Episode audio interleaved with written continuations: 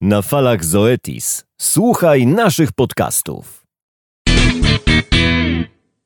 Czy produkcja trzody chlewnej bez antybiotyków jest możliwa? Jak ograniczyć ilość stosowanych antybiotyków? Co zmienić w produkcji, żeby mieć szansę powodzenia? Opowie nam dzisiaj dr Szymon Nowaczyk. Szymon, witam Cię w kolejnym odcinku naszych podcastów na falach Zoetis. Dzień dobry.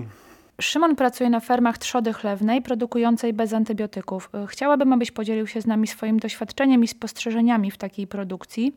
Powiedz nam kilka słów o obiekcie, w którym pracujesz, obsadzie zwierząt, systemie produkcji. Jeszcze raz y, dzień dobry wszystkim. Ja akurat pracuję na, na systemie bezantybiotykowym od 2015 roku.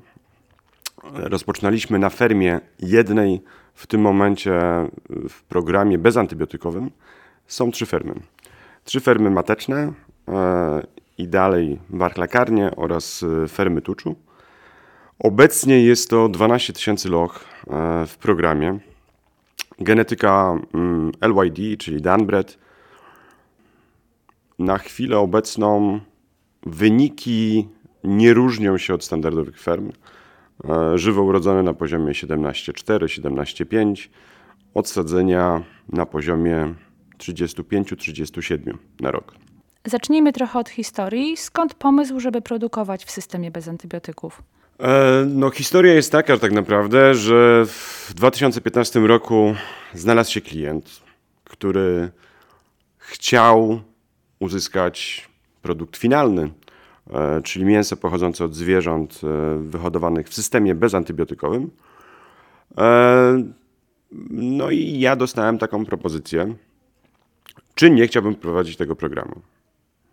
Na początku oczywiście ogromne przerażenie, bo nikt y, na dobrą sprawę nie, nie próbował do tego podchodzić, do tego tematu w Polsce na, w 2015 roku. E, nikt nie wiedział, jak będzie to wyglądało. E, każdy z nas zastanawiał się, co ze streptokokozą, co, co z e, biegunkami neonatalnymi czy biegunkami poodsadzeniowymi. Natomiast okazało się, że generalnie, jeżeli założymy pewne e, schematy, jesteśmy część z tych rzeczy w stanie wyeliminować. Taka produkcja to duże wyzwanie. Powiedz, ile zwierząt ostatecznie udaje się Wam odchować w tej produkcji bez użycia antybiotyków? E, jeżeli chodzi o prosięta, czyli ten pierwszy etap, który według mnie jest najtrudniejszym etapem tak naprawdę, bo tak jak mówiłem, dochodzi do, mm, po pierwsze mamy, mm, możemy mieć problemy właśnie z biegunkami neonatalnymi bądź ze streptokokozą. E, w tym wypadku y, ferma, która produkuje od początku tego programu, jest w stanie odsadzić około 70% e, zwierząt, które się mm, z całego, z całego cyklu.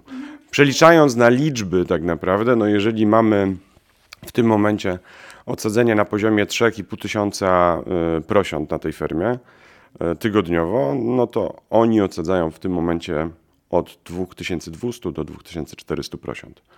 Pozostałe zwierzęta są, e, e, wypadają z programu, ponieważ doszło do jakichś objawów chorobowych e, w trakcie, w trakcie odchowu. No, w związku z tym, że, że no nie, nie, tutaj nie ma takiego kryterium na zasadzie nie leczymy na siłę. Nie?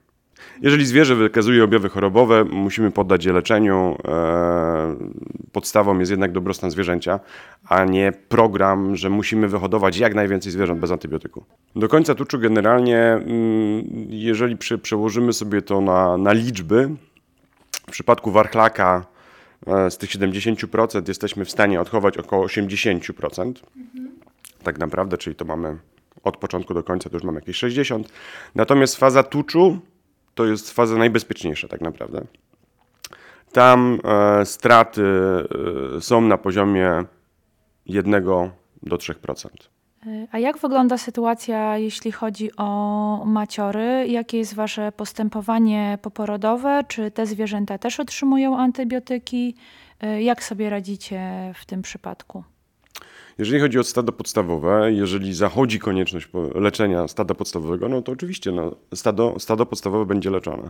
Te programy bezantybiotykowe, które, które są obecnie dostępne, są na różnym poziomie e, restrykcji tak naprawdę. jest możliwość właśnie, my wybraliśmy tą, tą opcję z możliwością leczenia stada podstawowego, ale są oczywiście w, na świecie programy w tym momencie, gdzie, gdzie lochy w trakcie laktacji nie mogą być leczone. Jeżeli są leczone, wtedy, wtedy te zwierzęta e, też są usuwane z programu. A jak wygląda Wasze postępowanie w przypadku MMA u macior? E, jeżeli chodzi o syndrom MMA, tak, jeżeli mam być szczery, to przez 5 lat prowadzenia tego programu, 6 lat w zasadzie, przypadków MMA stricte, może miałem 3. Więc to nie jest, to nie jest u nas problem, tak naprawdę. E, oczywiście jakaś e, e, hypogalakcja się zdarza, ale typowy, typowa bezmleczność to jest raczej rzadkość.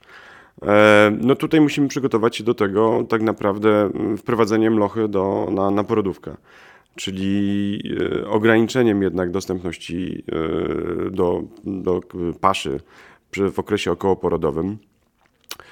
Używamy też soli glauberskiej jednak, żeby, żeby zwierzę miało łatwość w opróżnianiu się.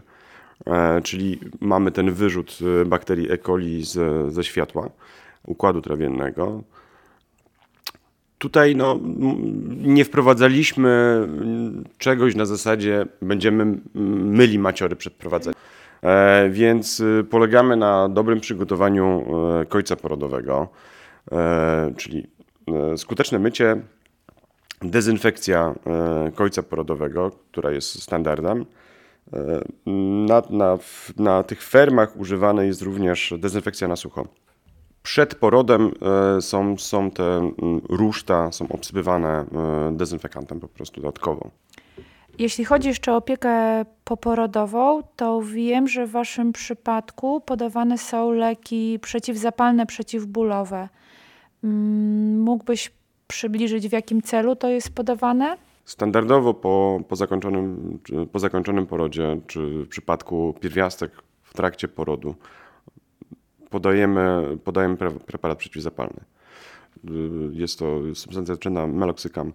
Także yy, według nas yy, jest, to, jest to o tyle e, dobre rozwiązanie, że widzimy, że faktycznie te, te, zwierzęta w trakcie porodu, czy też po zakończonym porodzie, generalnie szybciej wracają do y, pewnej normy, e, że tak to nazwę. Ale czy widzisz, że w kontekście prosiąt to ma jakieś e, przełożenie, że lochy dostają preparaty przeciwbólowe?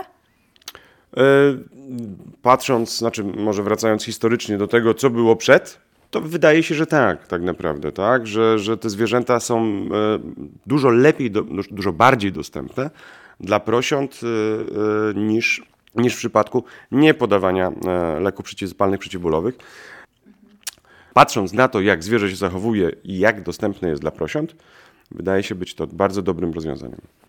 Czy w kontekście tego, o czym mówiliśmy, jeszcze jakieś zmiany w końcu porodowym zostały poczynione w związku z ograniczeniami antybiotyków? W zasadzie nie. W zasadzie nie, no tutaj ten, te, te porodowe y, na części ferm to są standardowe kojce porodowe. Jedna ferma jest, gdzie, mm, gdzie kojec jest y, powiększony i jest tak zwanym kojcem bezjarzmowym, czy też z możliwością otwarcia jarzm porodowych. Natomiast w samym końcu, końcu porodowym nie zmienia się wiele. Oczywiście musimy pamiętać o tym, że y, jeżeli y, mamy kojec porodowy, no albo jest to y, kojec porodowy z wydzielonym, z wydzielonym miejscem dla prosiąt, czyli tak zwanym rogiem, daszkiem, czy no, jakkolwiek inaczej to nazwać, no, musi być tam zawieszona albo kwoka, albo e, powinna być to wydzielona, e, podgrzewana e, przestrzeń dla, dla prosiąt, czyli po, tak zwane ogrzewanie podłogowe. E, tutaj rozwiązań w tym momencie na rynku jest, jest sporo, czy to jest standardowe ogrzewanie, ogrzewanie podłogi. Są w tym momencie dostępne na rynku maty elektryczne, które utrzymują według mnie dużo lepiej tą temperaturę stałą. Nie ma, nie ma dużych skoków temperaturowych. Mm, I widzimy tak naprawdę na przypadku jednej fermy, jak dużą zmianę to dało, bo ferma na samym początku rozpoczynała pracę na samych kwokach i w rogach, czy też, też w, w tak zwanych domkach dla prosiąt były tylko i wyłącznie mm, maty gumowe. I wtedy generalnie prosięta jednak y, wybierały tą przestrzeń pod maciorą, a niechętnie jednak wchodziły do, do, do tych przestrzeni zamkniętych, czy też dostępnych dla prosiąt. W momencie, gdy została włączona właśnie mm, mata grzewcza, no ta sytuacja się zmieniła diametralnie. I patrząc też na wyniki, ilość zwierząt, które y, były klasyfikowane pośmiertnie jako przygniecione, również się zmniejszyła. Znaczy, generalnie jest tak, że tutaj dość istotne jest to, żeby wprowadzić te, te, te, te maciory o tyle wcześniej. No, niech nie będzie to 12 godzin, niech nie będzie to 24 godziny. Jeżeli nie jesteśmy w stanie e, wprowadzić na, na 5 dni, 7 dni wcześniej maciory, no to ustalmy sobie taką zasadę 72-96 godzin. To jest na tyle dobry okres, żeby ta, ta maciora jednak się zaklimatyzowała z nowym, e, z nowym miejscem, e, żeby i de facto poziom e, kortyzolu jednak na tyle spadł, że, że, że tutaj nie dochodzi na, ten, ten, aspekt stresu dodatkowego i ewentualnego, ewentualnej immunosupresji, też maciory przecież przed porodem. A jak wygląda sytuacja zabiegów zootechniczno-weterynaryjnych na fermie? Jak sobie radzicie bez antybiotyków w tych przypadkach? Powiem tak, że generalnie w założeniach programu, e, gdy e, przyszedł pewien czas i wypisaliśmy sobie punkty krytyczne, no to to był jeden, jednak, jednak e, pierwsze, czy też jedno z pierwszych miejsc, nad którym musieliśmy przystanąć i pomyśleć, co możemy zrobić. I to, o czym mówisz, no tutaj te zabiegi zootechniczne, zabiegi krwawe w tym momencie, no są dużym problemem oczywiście. My doszliśmy do, do wniosku, że eliminując część tych zabiegów, jesteśmy w stanie ograniczyć y, możliwość y, infekcji, możliwość wniknięcia ewentualnie tutaj patogenów y, typu streptokokoza, stafylokoki. I pierwszą rzeczą, którą wyrzuciliśmy tak naprawdę, była, było e, cięcie czy też e, grinding kiełków. Miałem pewną zagwozdkę. Grinding czy też cięcie kiełków było przecież tak naprawdę prowadzone od wielu lat. E, I, byłem ciekaw, jak, jak zwierzęta będą, będą reagowały. Czy nie będzie właśnie problemów e, z listwą mleczną, czy nie będzie tam ran po, po, po pogryzieniach, czy nie będą prosięta się gryzły nawzajem. Okazało się jednak, że jeżeli mamy e, zapewnioną dobrą laktację, nie ma takich problemów. Więc wyeliminowanie cięcia kiełków to jest jednak dobra, dobra droga. E, i jesteśmy w stanie ograniczyć jednak pewne możliwości wniknięcia patogenów e, do organizmu prosiąt. Jeżeli chodzi natomiast o, o cięcie czy też kauteryzację ogona, no tutaj ten zabieg jest o tyle istotny, że często i gęsto wydaje się, że, że, że był wykonywany jednak niekoniecznie prawidłowo. Tutaj według mnie, jeżeli mówimy o kauteryzacji, to musi być to kauteryzacja. Czyli albo używamy e, noża tak zwanego gazowego bądź elektrycznego, który się rozgrzewa i kikut e, ogona musi być skauteryzowany. On musi być na tyle e, zasklepiony, że po dotknięciu nie ma opcji, że nam coś wycieka. Jeżeli kikut ogona jest mokry, będzie krwawił, no to zabieg został wykonany nieprawidłowo. To nie jest wyścig. Powiedz Szymon, nie zderzyliście się z zaporem pracowników?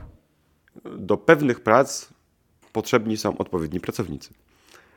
Bo tutaj nie chodzi nam o to, żeby yy, ucinać te ogonki, im szybciej, tym lepiej, ale chodzi o to, żeby zrobić to dokładnie, bo yy, jeżeli, tego, jeżeli nie będzie to zrobione w taki sposób, jak być powinny, yy, będziemy yy, mieli tak naprawdę duże prawdopodobieństwo, że za tydzień, dwa z tymi prosiętami będzie coś się działo. Podstawą była eliminacja, czy też zminimalizowanie zabiegów krwawych. E, to zapytam o kastrację. Czy według Ciebie możliwe jest ograniczenie antybiotyków przy tym zabiegu? Kastracja, no kastracja została wyeliminowana na rzecz kastracji immunologicznej. Jeżeli chodzi o produkcję bezantybiotykową, de facto mm, obecnie mamy kilka krajów, które to robi. E, jest Dania, my, czyli Polska. Były, były też takie programy w Stanach Zjednoczonych i w Kanadzie. Mm, Dania, z tego co mi wiadomo, oni, oni mm, robią to w, ze standardową kastracją, czyli kastracją chirurgiczną. Natomiast y, w przypadku nas, w przypadku dużych hodowli, uważam, że to jest bardzo trudne. Bo musimy pamiętać o tym, że no, pracując na, nie wiem, na stadzie 5000 loch, czyli no, jest pewien ogrom, y, mamy dużą ilość pracowników, jednak presja patogenów w danym środowisku będzie wyższa niż w przypadku hodowli, gdzie mówimy o 30 lochach bądź 100 lochach. E, więc y, z mojej perspektywy uważam, że ta kastracja immunologiczna no, była jedyną opcją możliwą. No, I w przypadku małych hodowców, no, wydaje mi się, że generalnie ułatwia jednak to sprawę, bo y, nawet w przypadku małych hodowców, ponieważ y, ten zabieg w tym momencie, jeżeli mm, hodowca w Polsce decydowałby się na hodowlę bez antybiotyków, a chciałby przeprowadzać kastrację chirurgiczną, no to dla mnie no to jedyna opcja no to jest w znieczuleniu. E, żeby e, przynajmniej zmniejszyć ten, ten, ten poziom e, stresu u prosięcia oraz, stres, oraz poziom bólu. Natomiast to, w jaki sposób musi być przygotowany kojec, ten porodowy, jak zdezynfekowane miejsce cięcia, no nie wiem, czy, czy, hodowcy będą mieli na to czas tak naprawdę. Mamy pewne alternatywy, tak? To, to, to nie musi być tak, że, że musimy y, przez cały czas kroczyć tą samą drogą z dziada pradziada. Dziad, dziad ciął, ja będę ciął. No nie, to nie o to chodzi. Są pewne możliwości w tym momencie dostępne, y, które pozwalają nam na to, że możemy zrezygnować z tej kastracji chirurgicznej na rzecz, na rzecz kastracji immunologicznej. To też musimy pamiętać o tym, że w tym momencie, jeżeli chodzi o kraje Unii Europejskiej, jest ogromna dyskusja na temat e, e, tego, czy kastracja chirurgiczna e, powinna być robiona w znieczuleniu, znaczy, czy, czy powinna być w ogóle robiona? Jeżeli tak, to w jaki sposób? To kiedy zakładany jest kolczyk na Waszych fermach? Jakie procedury dotyczą tej czynności? Kolczyk dostają zwierzęta generalnie do trzeciego dnia. Tutaj akurat nie ma, nie ma, nie ma, nie ma specjalnych procedur de facto. Mm, jedna firma korzysta e, z tak zwanego wózka e, z pełnym osprzętem, czyli e, też z, kolczykownicą, więc, więc zawsze ten kolczyk nabijany jest dokładnie tak samo. Inne firmy korzystają ze standardowych kolczykownic ręcznych Oczywiście, no możemy, możemy y, zastanawiać się, czy tutaj jeszcze powinniśmy ewentualnie dezyn prowadzić dezynfekcję tego miejsca, w którym, czyli załóżmy jednego ucha, e, w którym na, na, na, na którym nakuwamy ten kolczyk. Natomiast y, ja nie, od, nie, nie zauważyłem, że generalnie to jest jeden z powodów, który, który mógłby e, generować problemy ze strepto. W związku z tym, jaki odsetek streptokokozy obserwujecie na porodówkach?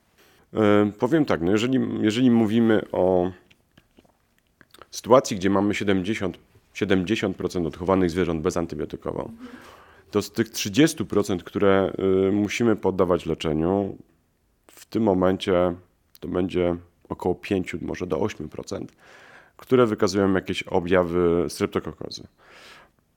Czy to jest y, Zapalenie stawów, czy, to, czy mówimy o y, zapaleniu opon mózgowych, tu już jest inna kwestia. Taka typowa, y, typowa strepto, y, zapalenie opon mózgowych, według mnie to jest około 1 do 2%. E, ja powiem tak, że generalnie jeżeli chodzi o strepto, to z moich obserwacji to nie jest jednak problem wiodący. E, masz też doświadczenie i porównanie z fermami, które produkują w systemie standardowym z użyciem antybiotyków. E, jaką różnicę obserwujesz e, między tymi fermami? Główną różnicą tak naprawdę między fermami produkującymi w systemie bezantybiotykowym a systemie antybiotykowym to jest zwiększona ilość jednak przepuklin pępkowych. Jednak to, co, to o czym hmm, chyba troszeczkę zapominamy, no podanie antybiotyku w tym okresie, tam załóżmy do trzeciego dnia, gdzie, gdzie jest wykonywana e, ta standardowa obróbka, chroni nas przed, przed infekcją sznura pępowinowego i ewentualną e, infekcją pępka. I tutaj no, widzimy pewną korelację jednak, że fermy, które, które podają antybiotyk, mają mniej przypadków e, przepuklin w stosunku do ferm bezantybiotykowych. To jest w tym momencie około 5% więcej przypadków ferm bezantybiotykowych. E, powiedz, co w sytuacji biegunek występujących na porodówce? Czy to jest problem w waszej hodowli? Nie, no oczywiście, że tak. E, no to jest, według mnie to jest jeden z podstawowych problemów. E, tutaj była podkreślana streptokokoza, jednak według mnie to są raczej biegunki neonatalne. To, czym przy naszym przypadku no jest prowadzona profilaktyka mm, przed porodem. E, no, jeżeli chodzi o lochy generalnie, mm, po pierwsze no, no, jest, jest stosowana oczywiście e, szczepionka komercyjna, ale dodatkowo jest wprowadzona też autoszczepionka e, dla każdej, każdej z ferm, która, która prowadzi hodowlę bezantybiotykową. I tam generalnie mamy, mamy kilka antygenów. Mm, niestety w Polsce nie ma dostępnych na chwilę obecną przynajmniej E, szczepionek e, przeciwko rotawirusom. Ja nad tym ubolewam, e, ale jesteśmy w stanie w jakiś sposób sobie to zapewnić. Niestety w autoszczepionkach, tak samo jak w komercyjnych, jak, jak w auto, mm, tylko i wyłącznie polegamy na, na rotawirusie typ A, a niestety na fermach zdarza się też rotawirus typ C, który jest problematyczny i de facto jak spojrzymy sobie na E, sprawę e, biegunek neonatalnych i powodów, czy też patogenów, które je wywołują, to wbrew pozorom to nie będzie coli, to nie będzie Clostridium. E, obecnie dominującym problemem większości ferm, często chyba niediagnozowanym, są rotawirusy.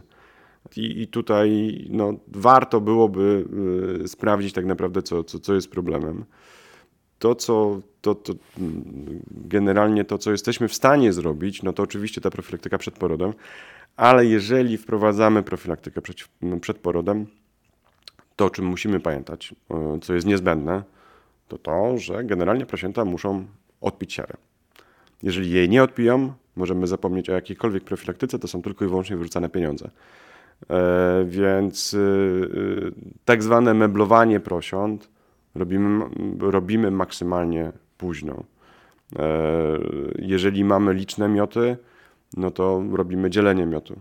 Nie ma, nie ma innej drogi, ponieważ no, stos, jeżeli, jeżeli wydajemy duże pieniądze na profilaktykę, chcąc zapobiegać e, biegunkom neonatalnym, musimy pozwolić prosiętom odpić e, siara. Nie ma innej drogi. Y, czyli jakie autoszczepionki wprowadziliście na waszych fermach? idąc, idąc w kierunku biegunek, no to, to, to, to, to de facto no tutaj, tutaj coli y, Clostridia, Clostridium perfringens typ A, Clostridium difficile y, i, rotawirusy. Y, natomiast y, my generalnie trochę pozmienialiśmy te programy profilaktyczne. W autoszczepionce mm, jest, jest jeszcze wrzucony antygen streptokokozy, stafilokoków. Czyli rozumiem, że robicie szczepionkę pod każdą fermę indywidualnie, a szczepionka na streptokokozę też została wprowadzona, co może wpływać na jej niewielki odsetek na fermach. Jest, y, no, my przynajmniej wierzymy w to, że w ten sposób byliśmy w stanie jednak ograniczyć e, e, ilość występowania e, przypadków streptokokozy. Tak jak mówiłem, tak może patrząc wstecz, i, i rozmawiając załóżmy z kierownikiem, z kierownikiem fermy, no kierownik fermy widzi różnicę że wprowadzając, e, gdy nie mieliśmy autoszczepionki i to nawet wtedy na początku prowadząc standardową produkcję, tych przypadków streptokokozy było więcej. Oczywiście zdarza się, zdarzają się sytuacje, czy też zdarzają się okresy, w których faktycznie strepto, strepto może być więcej. Natomiast musimy pamiętać o tym, że streptokokoza nigdy nie będzie pierwotnym problemem, zawsze będzie problemem wtórnym. Więc tutaj y, staramy się też ustabilizować y, te fermy pod względem y, właśnie mm, immunologii jednak. W naszym przypadku, jeżeli chodzi o jedną z ferm, w pewnym okresie mieliśmy problem z grypą pandemiczną. I to był okropny problem, ale nie na okresie okołoporodowym, na, w przypadku loch, w przypadku prosiąt, tylko akurat tam e, problemem głównym były warchlaki. E, więc e, to, co my wprowadziliśmy dodatkowo w tym momencie, no to są szczepienia przeciwko grypie, ale nie na, zasadzie, nie na zasadzie blica, tak zwanego, czyli szczepimy dywanowo całe stado, tylko, tylko wprowadziliśmy roll-up, czyli szczepienie przed porodem, czyli no, mamy o te 30, że tak powiem, raza więcej szczepień rocznie, Natomiast y, jesteśmy w stanie ustabilizować po pierwsze stado, które jest na, na, na porodówce całe, to jest raz, e, a dwa, że jesteśmy w stanie przekazać też prosiętom e, przeciwciała, e, co według mnie jest w stanie ustabilizować te zwierzęta w późniejszym okresie. I tutaj akurat szczepienia są przeciwko grypie endemicznej oraz pandemicznej. Czyli na wszystkich fermach szczepicie grypę endemiczną, a dodatkowo tam, gdzie został stwierdzony problem, także pandemiczną. Tak, prowadziliśmy dodatkowo szczepienia e, i tutaj widzimy duży efekt tego tak naprawdę, bo te, te spadki w przypadku, w przypadku grypy były dość, dość znaczne tak naprawdę. To, to, to, to w przypadku warchlaka E, widzieliśmy e, te tak zwane stany, stany depresyjne, gdzie mieliśmy bardzo dużo przypadków właśnie i ze streptokokozą, czy też z, z glazerem w pewnym okresie, bo to często jest jedno z drugim mylone. A w, w przypadku prowadzenia szczepień ferma została ustabilizowana. Ja nie mówię, że jesteśmy w stanie wyeliminować w 100% pewne problemy, ale jesteśmy w stanie je zminimalizować. Jednak tutaj ta profilaktyka pozwoliła nam ustabilizować dane, dane fermy.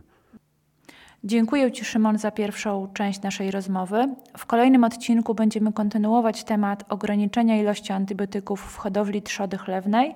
Już teraz zapraszam Państwa. Na falach Zoetis. Dla zwierząt, dla zdrowia, dla Ciebie.